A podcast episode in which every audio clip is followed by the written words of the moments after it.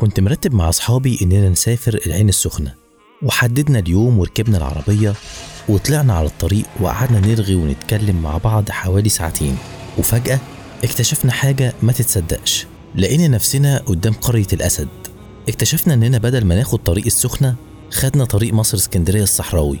إزاي؟ ما تعرفش. والأعجب من كده إن ولا واحد فينا كلنا خد باله. المهم طبعا كان مستحيل نلف ونرجع السخنة لأن اليوم كده اتفرتك. فقررنا نشوف أي حد بتاع سمك ناكل عنده أكلة سمك وبعدين نرجع ونكون طلعنا من السفرية دي بأي حاجة. فضلنا سايقين لحد ما شمينا ريحة سمك حلوة قوي. دخلنا لقينا واحد بتاع سمك كده على قده. وقفنا نختار السمك اللي عايزينه ووقف الراجل يتبله. وكان شكله مهموم هم السنين. وفجأة لقيناه بيعيط. اتفاجئنا. سألناه مالك وبعد محايلة كتير قال لنا إن الحال بقاله كام يوم واقف وبنته تعبانة قوي ومحتاجة دواء غالي ضروري وأخيرا ربنا بعت بينا الرزق.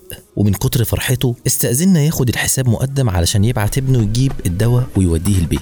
طبعا إحنا كلنا تنحنا وبعد ما كنا عمالين نتكلم ونضحك ونستغرب إحنا إزاي ما خدناش بالنا إننا واخدين طريق تاني خالص؟ سكتنا كلنا سكتنا علشان فهمنا إن ربنا كاتب رزق للراجل ده لعلاج بنته واستخدمنا إحنا لتوصيله رغما عن أنوفنا كلنا ومن وقتها وأنا بطلت أحسبها وأيقنت إن رزق جاي جاي.